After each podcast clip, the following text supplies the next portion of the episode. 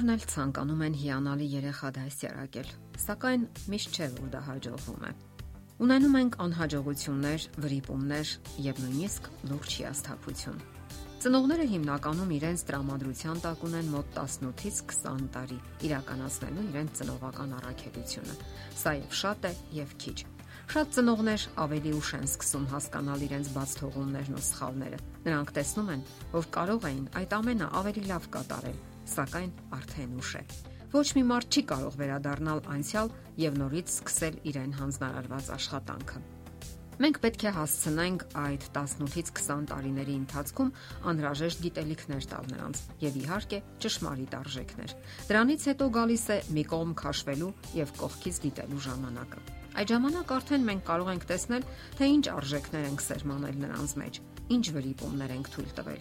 Իհարկե, 20 տարեկանից հետո էլ դեռ ամեն ինչ կորած չէ, դեռևս կարելի է շտկումներ անել, սակայն դա արդեն միշտ չէ որ հաջողվում է։ Դեռահաս տարիքի երեխաներ ունեցող ծնողները բավականին հաճախ են հարցնում իրենք իրենց. ճիշտ եմ վարվում արդյոք։ Ինչքան շատ է նա իրեն տալիս այդ հարցը, այնքան ավելի ճիշտ ուղու վրա է գտնվում։ Գուցե լինեն վեճեր, անհամաձայնություններ, սակայն դա ցույց է տալիս, որ շփման եզրեր կան եւ բաց են փոխհարաբերության ուղիները։ Վեճերն ու մարտերը անկասկած տհաճ են, սակայն դրանք ավելի լավ են, քան սառը պատերազմը եւ դիվանագիտական լռությունը, չեզոք մարտավարությունը եւ միմյանց հետ չխոսելը։ Եվ այսպես, ինչն է կարևորվում այս ընթացքում։ Ինչքան էլ դժվար լինի ձեզ համար պատանիների հետ հարթել սուր հարաբերությունները, երբեք ձեր հետևից մի այրեք կամուրջները։ Դուք ավելի մեծահասակ եք եւ տոն եք տալիս հարաբերություններին, Միշտ բաց պահեք բարյացակամության, սիրո եւ շփման դռները։ Բաց պահեք երկուստեք սիրտ տանող ճանապարհները։ Եղեք հաստատուն, սակայն սիրող։ Ձեր երեխան կարող է թշնամական պահել իրեն, հրահրել, գրգռել ձեզ, լինել մռայլ ու փակված, երբեմն բացահայտ ապստամբ։ Հնարավոր է դուք չգիտեք ինչպես վարվել նրա հետ, ինչպես շփվել, ցանկանում եք հակահարված տալ եւ նույնիսկ դուրս անել տնից։ Սակայն միշտ հիշեք, Ինչքան դժվար է երեխան, այնքան նրան ավելի շատ է անհրաժեշտ ձեր սերն ու հոգատարությունը։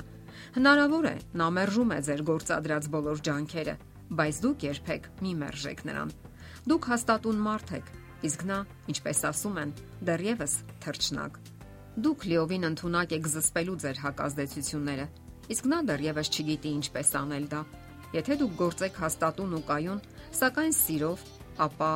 ինչպիսի բարդ հանգամանքներում էլ հայտնվեք, ձեր վարքագիծը վաղ թե ուշ կտա իր արդյունքները, որովհետև ձեր երեխան հետագայում ձեզանից է օրինակ վերցնելու։ Իսկ երբ հետևում եք ձեր զգացումներին, ապա աշխատեք տարբերել երկու բան։ Մեկը մեղավորության օրինական զգացումն է, իսկ մյուսը մեղքի անհիմն բարթույթը։ Սրանք տարբեր բաներ են Յուրաքանչյուր նոր հիմնախնդիր ավելի է ուժեղացնում մեր մեջ սեփական անկարողության զգացումը, եւ այդ ճնշող զգացումը աստիճանաբար կատվածահար է անում մեր ուժերը։ Իսկ եթե չենք կարող բաց եւ անկեղծ վերլուծել այդ զգացումները, ապա դրանք կարող են փչացնել մեր մնացած փոխհարաբերությունները, թե մյուս երեխաների, թե ամուսնու եւ թե նույնիսկ գործընկերների հետ։